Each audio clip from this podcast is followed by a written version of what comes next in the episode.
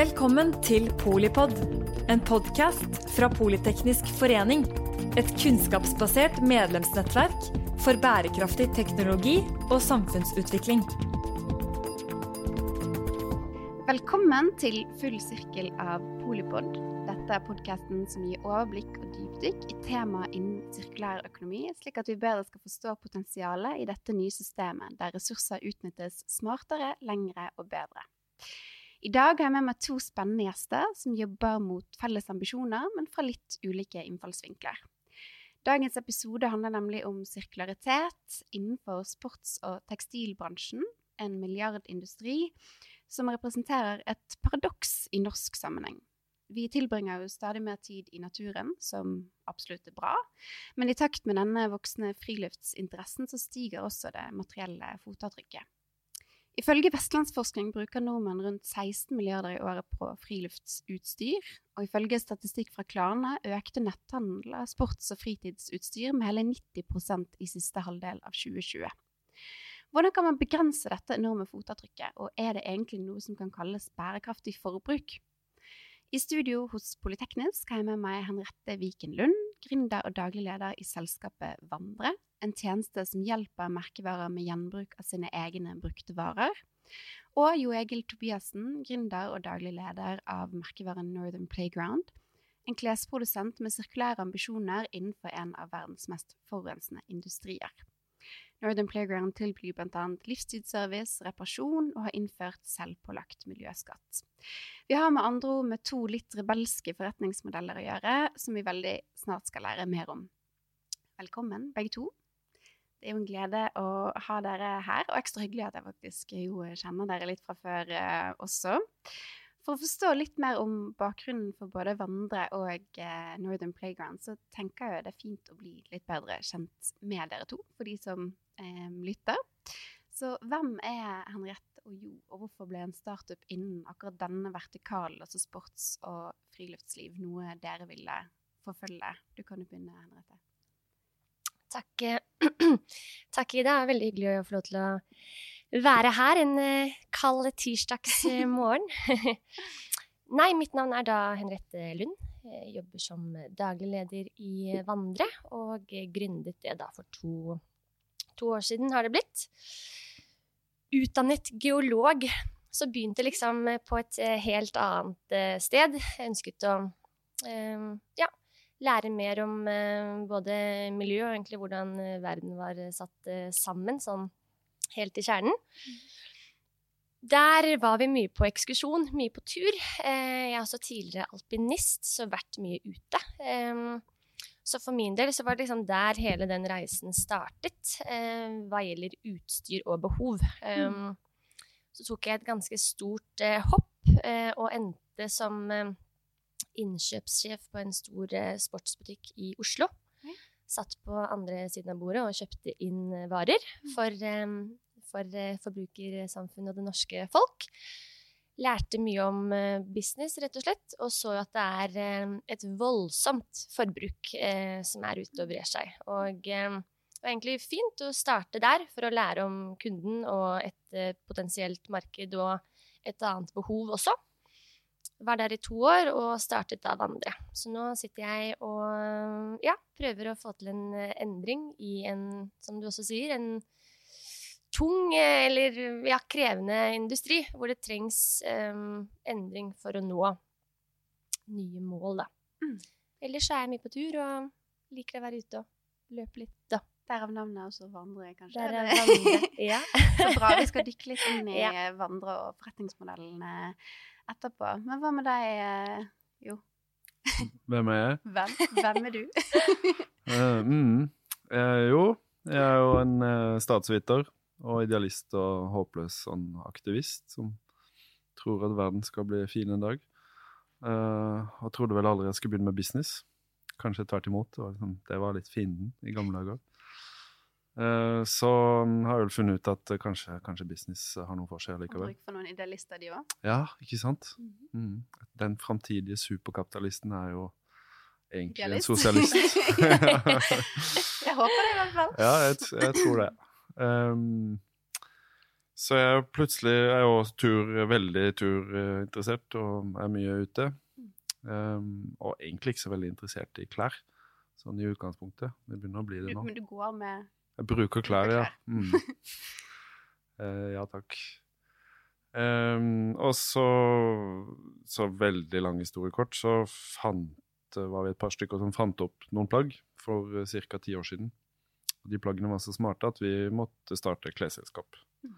Og så har jo det klesselskapet gått fra å være en sånn smarte oppfinnelser til å bli noe helt annerledes. Vi må faktisk, eh, du, du må faktisk fortelle litt hvordan, hvordan det ble til.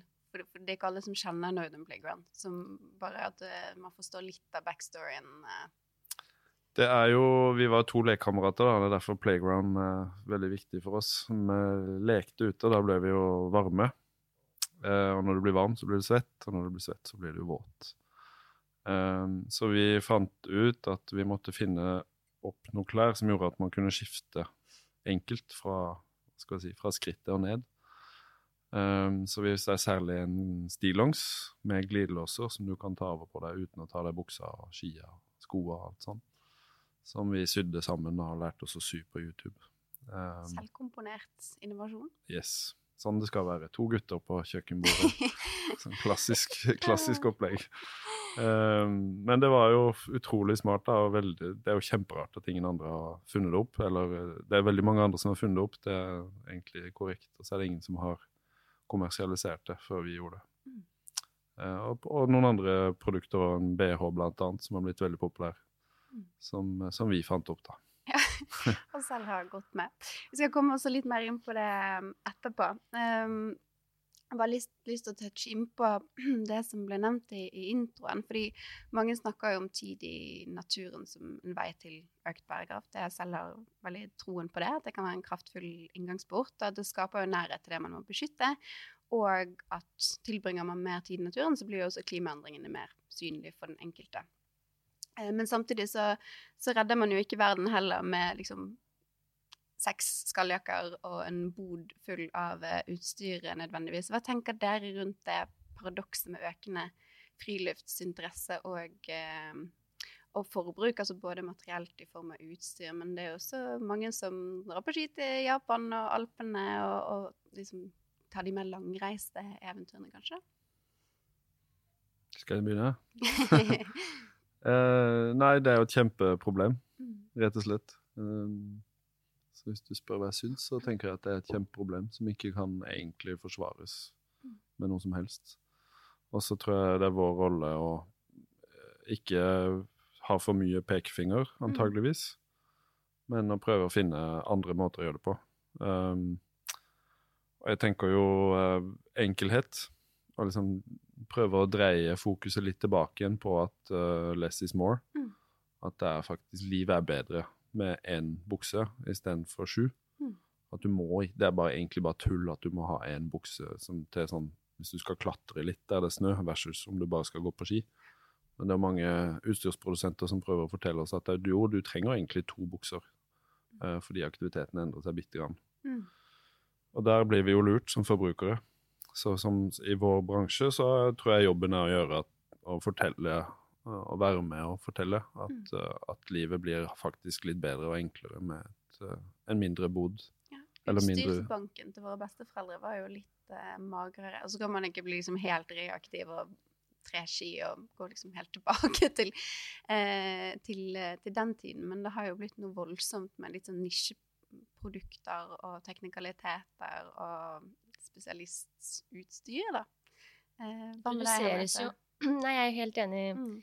helt enig med Jo, og det produseres jo um, en bukse for enhver anledning. Mm. Uh, uavhengig om du skal på en lett topptur eller om du skal kjøre pudder, så er den det er en ny bukse til et nytt formål. Det er jo ikke Mm. nødvendig. Og det er det som selvfølgelig sikkert har trigget mange forbrukere.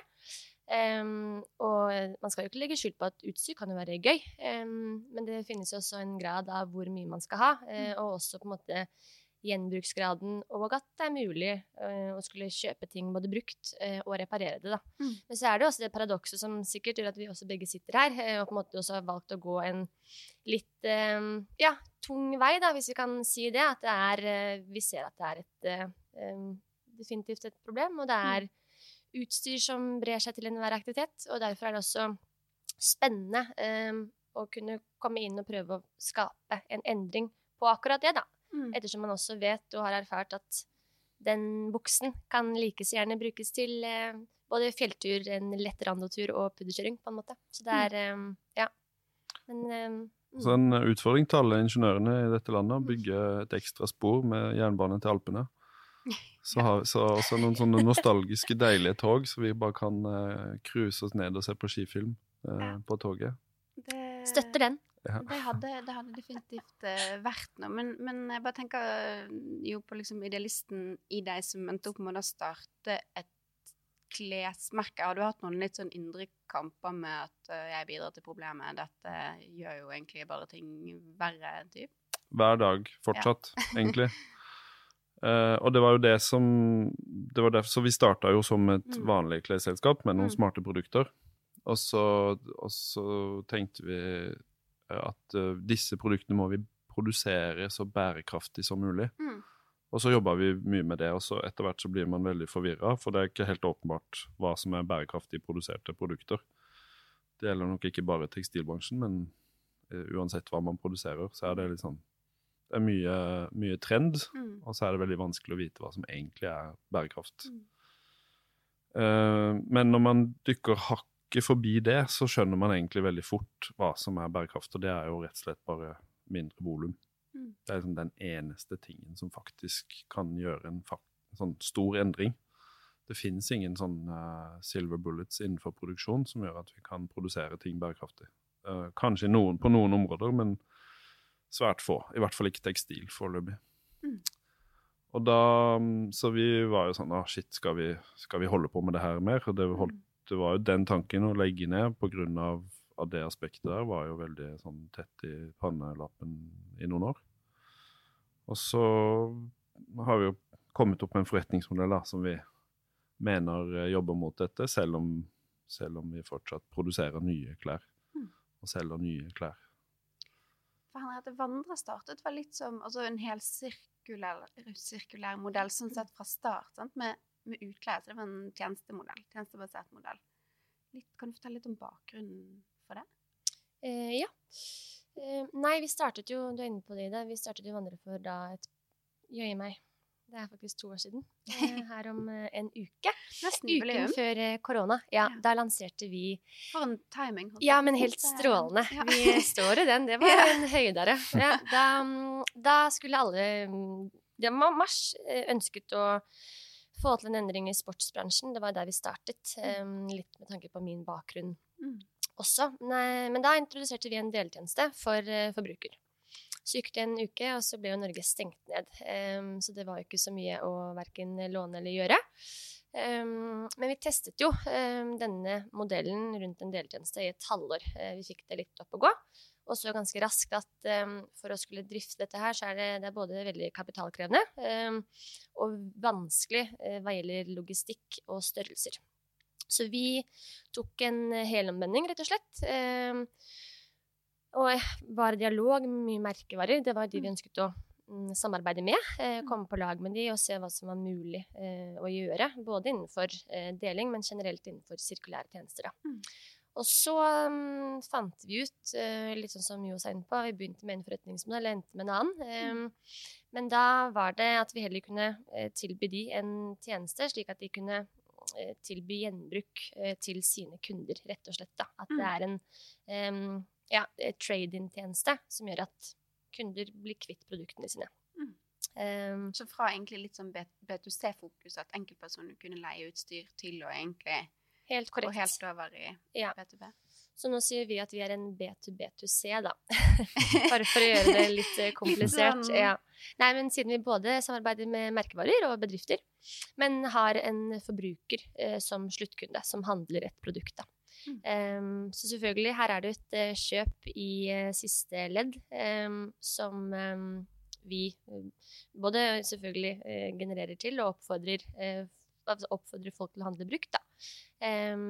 Men i det store og hele bildet så er jo det veldig mye bedre enn å skulle handle et helt nytt produkt. Så det er det å på en måte kunne bygge sten for sten og starte et sted og vise at her er det vel så gode produkter som du kan få brukt som du får om du kjøper nye, da. Det å drive altså, retail som dere jo gjør, og så produsere tøy, det, det innebærer jo noe mer liksom, komplisert verdikjede enn en f.eks. en utleietjeneste, da, for da må man jo velge? Man må velge en eh, leverandør av råvarer, man må velge produksjonspartner, man må eh, kanskje gjøre noe også for å holde produktet ved så høy verdi og yteevne så lenge som mulig, f.eks. reparasjonstjenester, og så også avhende produktet når det har endt eh, sin levetid. Altså, hvilke avveininger gjør dere for å på en måte sikre at eh, de leverandørene blir så gode som mulig, eller inkorporerer sirkularitet da, Mm. i selskapet og verdikjeden? Eh, Det er et veldig langt svar på det, og så tror jeg Ja. det Tenk å ta liksom eh, Nei, fulle, men Ta eh, utredningen her ja. nå, ja, bare hovedlinjene i det. Um, er- det sånn første og enkleste vi har gjort, er at vi jobber bare med uh, aktører innenfor EU. Ja. Det, da får man litt, eller ganske mye gratis, fordi at Mm. EU er strenge på disse tingene. Og det og blir jo, kommer med veldig spennende um, taksonomi etter hvert, eller lovverk. Um, men det som jeg har lyst til å fokusere på i, i den debatten rundt uh, sirkularitet på produksjon, er jo egentlig det som skjer etter at salget er gjennomført. Mm.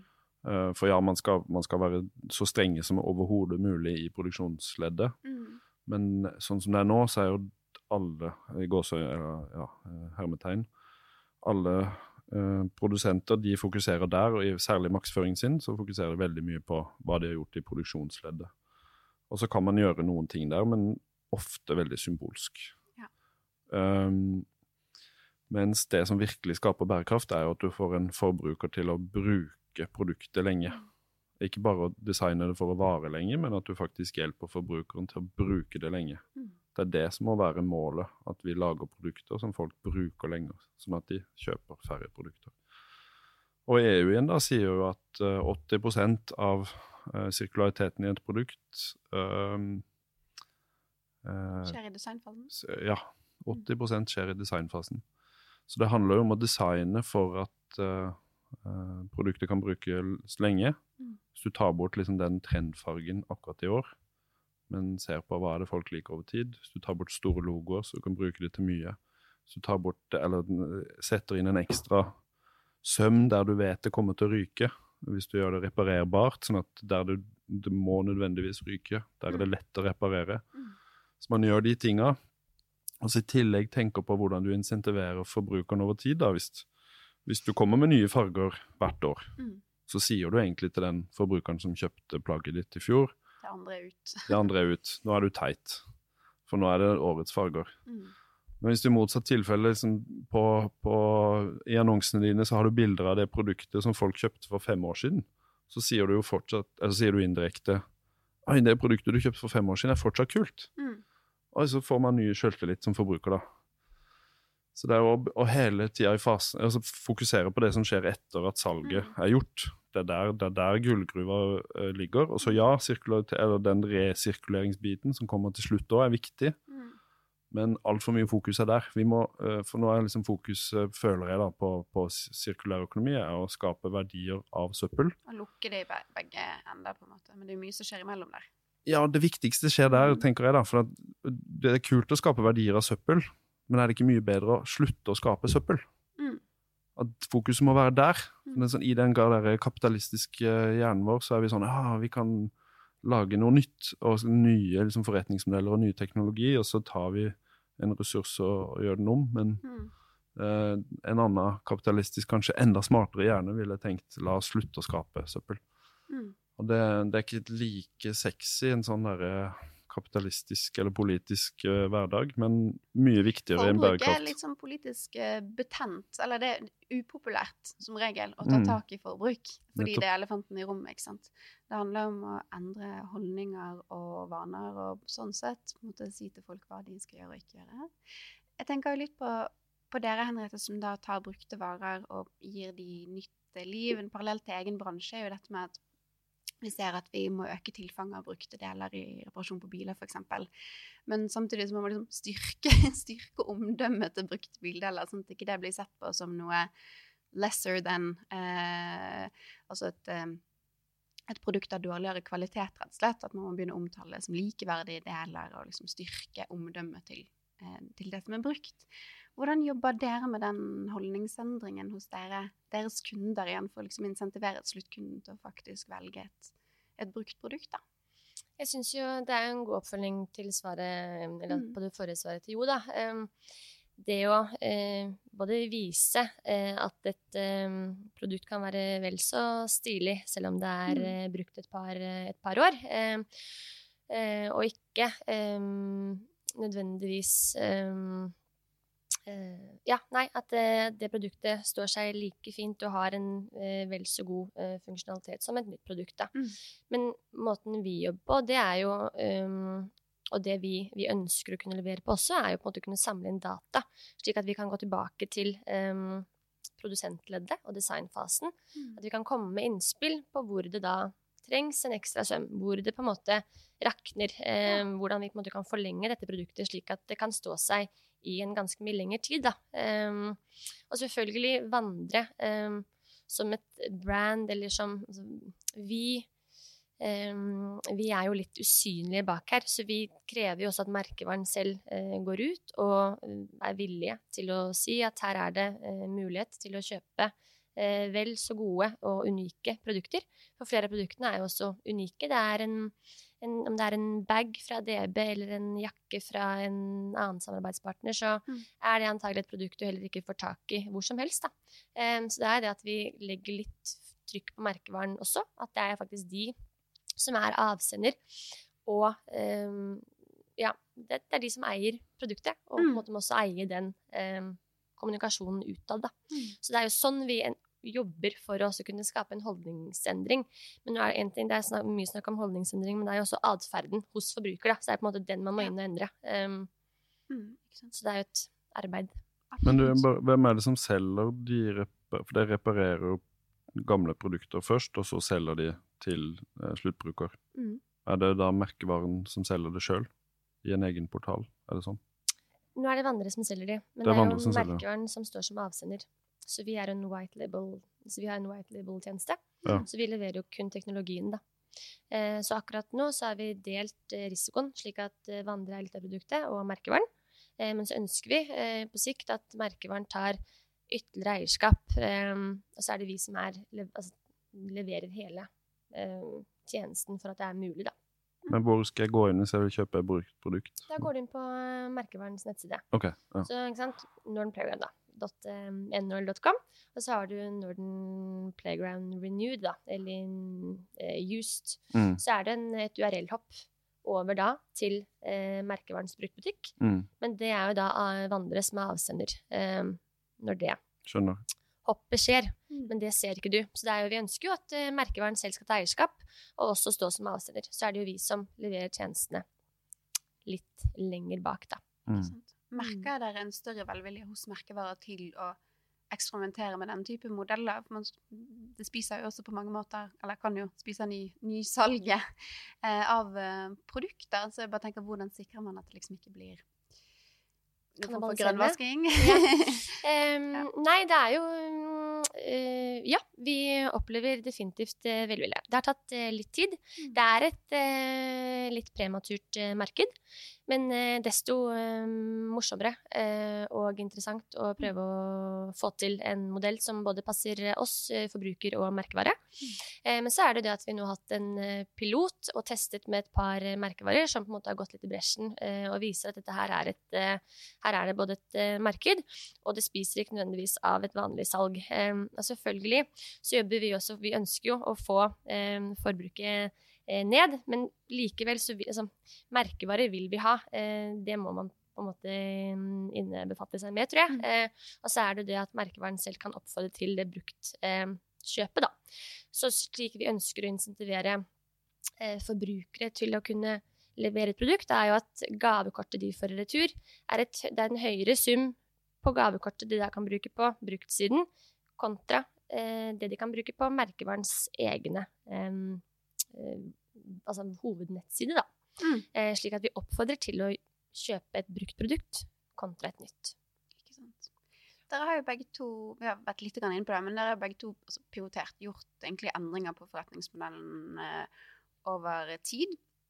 Um, har dere lyst til å dra frem noen ting som dere har lært av eh, de eh, endringsprosessene, som eh, kanskje kan være nyttig for andre å vite om? Ja, Å endre forretningsmodellen sin er jo for det første vanvittig skummelt. Um, så det er antageligvis lettere for oss uh, å gjøre det da vi omsatte for sånn, 8 millioner enn for Equinor, og, og bytte til fornybar sånn over natta. Men, uh, men jeg tenker jo at alt er mulig. Um, men læringa er jo at um, eh, det er mulig å, å endre sånn, fra, fra det ene til det andre Mm. eh, ganske fort. eh, selv om det er vanvittig skummelt. Det er det vi reflekterer veldig mye over at vi, vi gikk jo fra en vanlig sånn retail, solgte i, hel, i butikker i hele verden.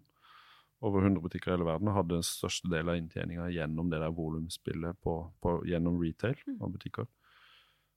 Eh, og så tenkte vi nei, nå, dette vil vi ikke være. Vi vil ikke være med på det volumspillet. Og da, og da må vi jo selge direkte sjøl gjennom egne kanaler og slutte med rabatter og slutte med å overprodusere liksom alt det som klesbransjen holder på med.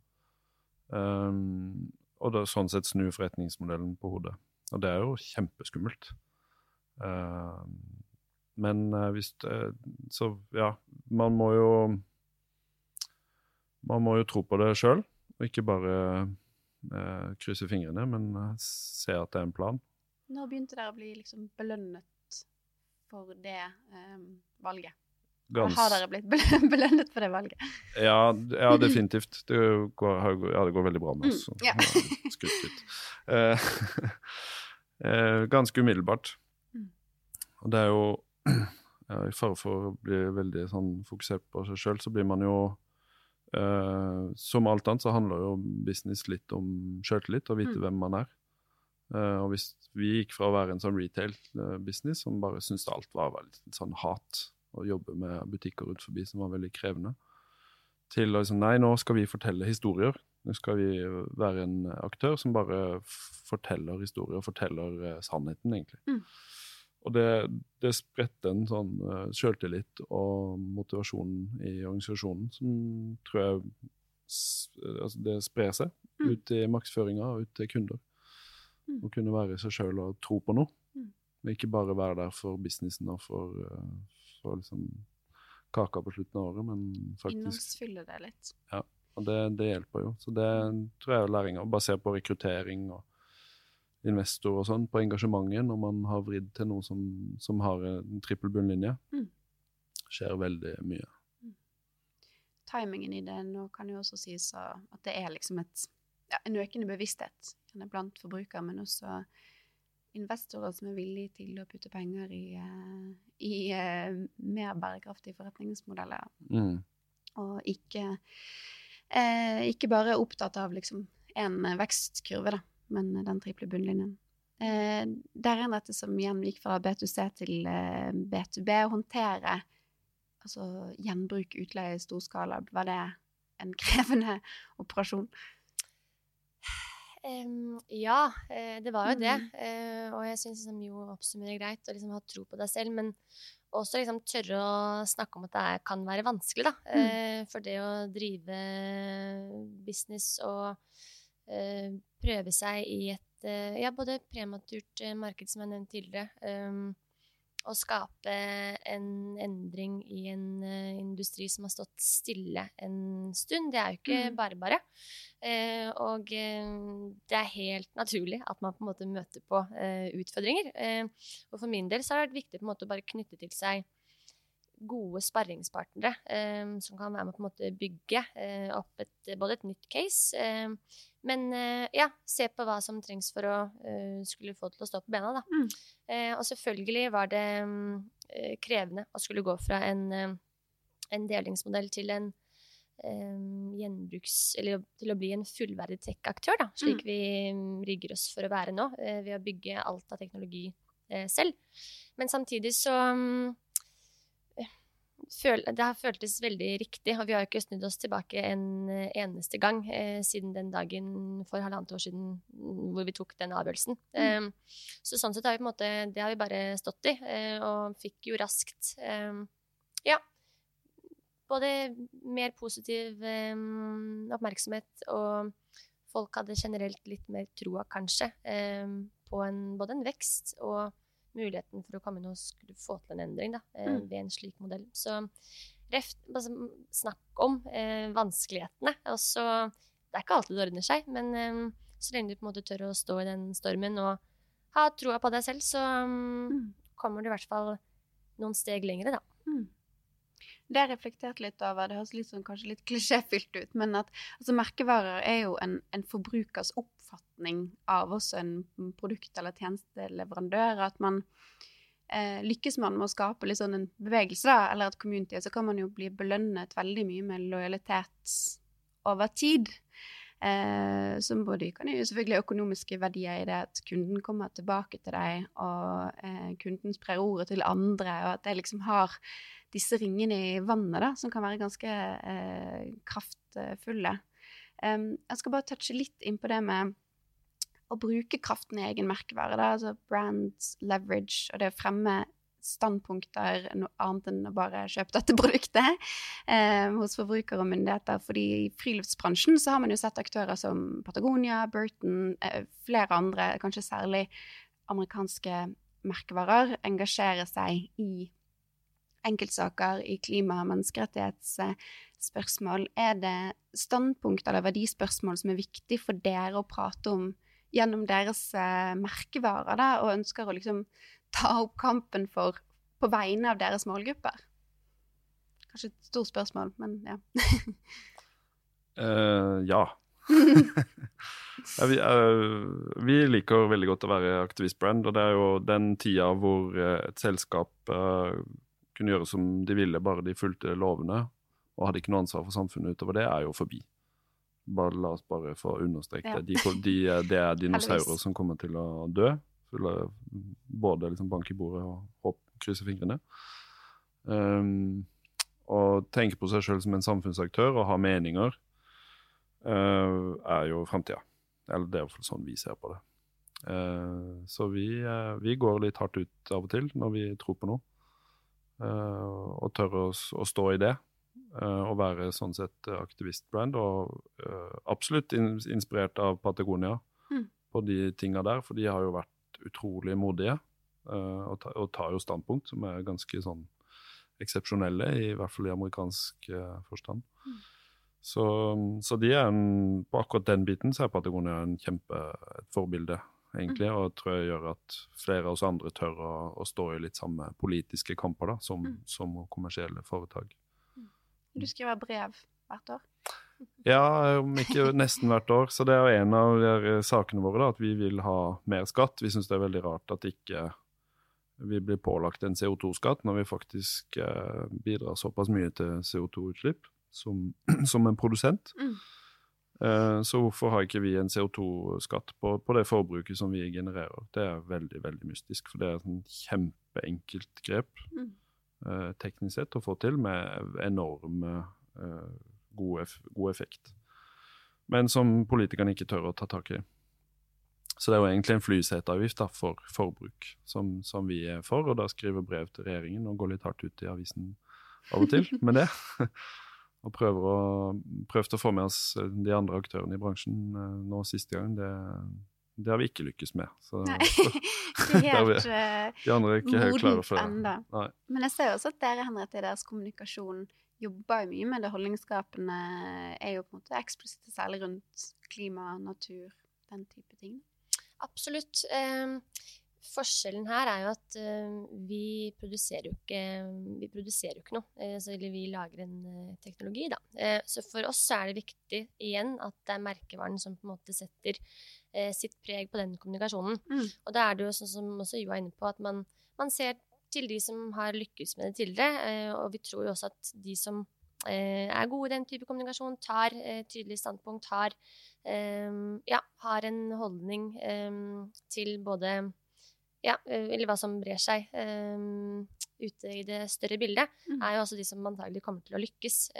så det er jo, vi ønsker jo å komme inn på et litt tidlig tidspunkt nå og prøve å skape eller prøve å få til den type endring, slik at man også kan endre den kommunikasjonen. Men no, utover det så har jo ikke vi noe eh, å si, ettersom det ikke er vi som er avsender for merkevaren. Da. Mm. Um, men selvfølgelig, på våre egne kontoer og i medier så ønsker vi å eh, stå opp og snakke for oss, og både ja, prøve å få med oss eh, flere merkevarer, litt sånn som Jo sier. Det er ikke, det er ikke bare bare å få med seg eh, andre i bransjen. Det, det krever en omstilling og en endring, og at hele organisasjonen er, eh, snakker samme språk. Mm. og i de større selskapene så er det litt mer eh, Ja, det er litt tyngre. Krevende. Ja. Prøver dere å være ty tydelige med merkevarene som dere samarbeider med? Er det, det er kanskje en vanskelig balansegang, men at det, det stilles noen krav til de òg? Jo, men eh, absolutt. Mm. Um, vi ønsker jo å samarbeide med de uh, som altså merkevarene som har de, det samme uh, målet uh, og visjonen som oss, og kunne klare å både redusere et forbruk, men ja, at, det, um, at man har flere sirkulære tjenester å spille på, og ikke Mm. bare, at man ikke bare har ett ben å stå på. Da. Mm. Em, så det er jo litt i de dialogene vi går, og de innsagene vi gjør eh, til merkevarer der ute, både i sports- og tekstilbransjen, at um, de, de ser at dette her er noe de er nødt til å gjøre, og ikke eh, ja, Eller at de ønsker å gjøre det, og at de ikke bare Det blir en Eh, slags avlat, ja, når de er på korrekt. siden. Ja. Ja da. Helt klart. Mm. Um, for vi lever jo altså ikke i en sirkulær økonomi i dag. Vi, vi er jo ikke helt der, ennå, igjen å gå. Så kom det jo en strategi for sirkulær økonomi i fjor. Du nevnte EUs um, Circular Economy Action Plan. Det er samtlige andre på en måte eh, ting på gang nå politisk. Eh, men i det store det, så er det fremdeles et ganske linært eh, system. Eh, har dere noe på ønskelisten når det kommer til tiltak og virkemidler som kan bremse forbruk, gjøre det dyrere å sløse med ressurser? Du nevnte jo eh, CO2-skatt. Mm. Eh, jo, det andre tingen dere gjerne vil eh, ha. For vår del så er det en ganske, ja, det er en ganske klar kamp, og det er å redusere mm. moms på reparasjon. Mm. Eh, mediebildet har jo dreid seg mye om det den siste tiden, eh, og det er eh, krevende. Når du skal betale dobbel eh, moms på den reparasjonen som skal bli gjort, så er det vanskelig å få gode marginer og få eh, folk til å kjøpe brukt. Um, og hvis det stanser allerede der, så er det jo vanskelig å skulle integrere uh, nye forretningsmodeller. Da. Så for vår del så er det et, eh, en ganske klar uh, kamp, og vi vet jo at det kommer noe. Så er det bare når og hva. Men um, det er et um, Ja. Den holder vi på. det, det er, den, er den er god og viktig, men den er, den er jo Sånn som jeg ser det, så er den litt symbolsk. Fordi at den, den gjør så veldig lite i det store problemet. For det er det forbruket vi må Mm. gå løs på. Mm. Uh, og implementere strukturer som gjør at faktisk forbruket går ned. Og det vil jo ikke da en moms på reparasjon gjøre. Så hvis, så hvis den Jeg er liksom bare redd for at den tar veldig mye oppmerksomhet fra, fra vår bransje. At det blir en sånn deilig sak å kjempe. Mm. For dere er det veldig logisk, da, for det er jo akkurat midt i kjerneområdet. Men for bransjen sånn gener, gener, generelt, så, så må, vi, må vi gå løs på de liksom mer overordna strukturelle problemene, som er, som er det absurde forbruket. Mm. Det, helt, det, det burde være forbudt å selge en T-skjorte til 50 kroner. Det er sånn produsentansvaret og produsentkrav. Både altså, krav til merking av produkt, kvalitet på produkt, levetid, design, utforming. Ja, altså det er veldig spennende det EU kommer med, og, Mm. og den eh, Det hadde vært kulere hvis vi hadde kjempa for en reparasjonsplikt Mm. enn en, en fjerning av moms. Det hadde vært mye mer sånn strukturelt utfordrende for, for fast fashion, særlig, da, Mm. som er jo den store fienden her. Hvis HM måtte reparere et produkt i en eller annen forstand som var gått i stykker, det, da, hadde, da måtte de virkelig begynne å tenke seg om, om hvordan de konstruerte produktene sine. Mm. Det er- veldig fint å lage tekstil av, appelsinskall. Men det hjelper ikke når du pusher T-skjorta til 50 kroner Nei, det gjør ikke det. Antageligvis er det jævlig mye energi som brukes på å lage det. Eller produsere de klærne appelsinskall og Ja. Uh, vi skal gå litt, uh, litt inn for uh, landing. Jeg ønsker jo på en måte å avslutte på en sånn positiv eh, tone.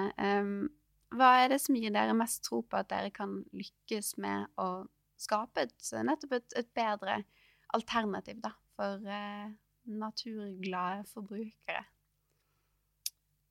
Vi trenger ikke så mye nytt, uh, både utstyr og tøy, som eh, trenden har eh, vist at vi skal ha den dag i dag. Corrupted. Yes. Um, og det vet jeg, av, eller med hele mitt hjerte. Mm. Uh, og da har jeg også troa på at eh, det er mulig å få til en, eh, en endring, Mm. rett og slett. mm. Enig. Jeg tror kidsa kommer til å De kommer til å være han lille gutten i 'Keiserens nye klær'-historien, som skjønner, skjønner greia. At det hjelper ikke å forbruke seg ut av det her problemet. Vi må, vi må konsumere smartere Mm. og ha mindre ting i skapene våre. Det er et bedre liv og bedre for kloden. Mm. De, og de som skaper forretningsmodeller til det, og produkter til det, de kommer til å vinne. Mm. Hvis det er noen som lager en telefon nå, som sier at denne her telefonen kan du ha i 30 år, um, det kommer ikke til å komme noen oppdateringer som gjør at den går treigere eller et eller annet, og hvis det er noe, hvis det er noe som skjer med den, kan vi sende deg skrujernet, så kan du åpne den selv. Den telefonen kommer til kidsa til å kjøpe. De vil ha en telefon som, er- som er like god nå om 30 år. Og sånn, de som skaper de forretningsmodellene, de vinner. Det er nå Greta Thunberg-generasjonen eh, blir, kommer for fullt. Yes. Ja, men eh, klar, eh, klar tale. Tusen takk begge to for, eh, for praten. Takk også til deg som lyttet eh, på, og glem ikke å følge Politeknisk forening for inspirasjon og innsikt om bærekraftig teknologi og samfunnsutvikling. Du finner denne podkasten der hvor du vanligvis finner podkaster, på Spotify og eh, iTunes, tror jeg, fortsatt. Litt usikker. Eh, takk for meg, i hvert fall. Vi snakkes snart. Ha det bra. Takk for at du lyttet til Polipod fra Politeknisk forening. Få med deg flere episoder, eller bli med på nettverksmøtene som du finner på at polyteknisk.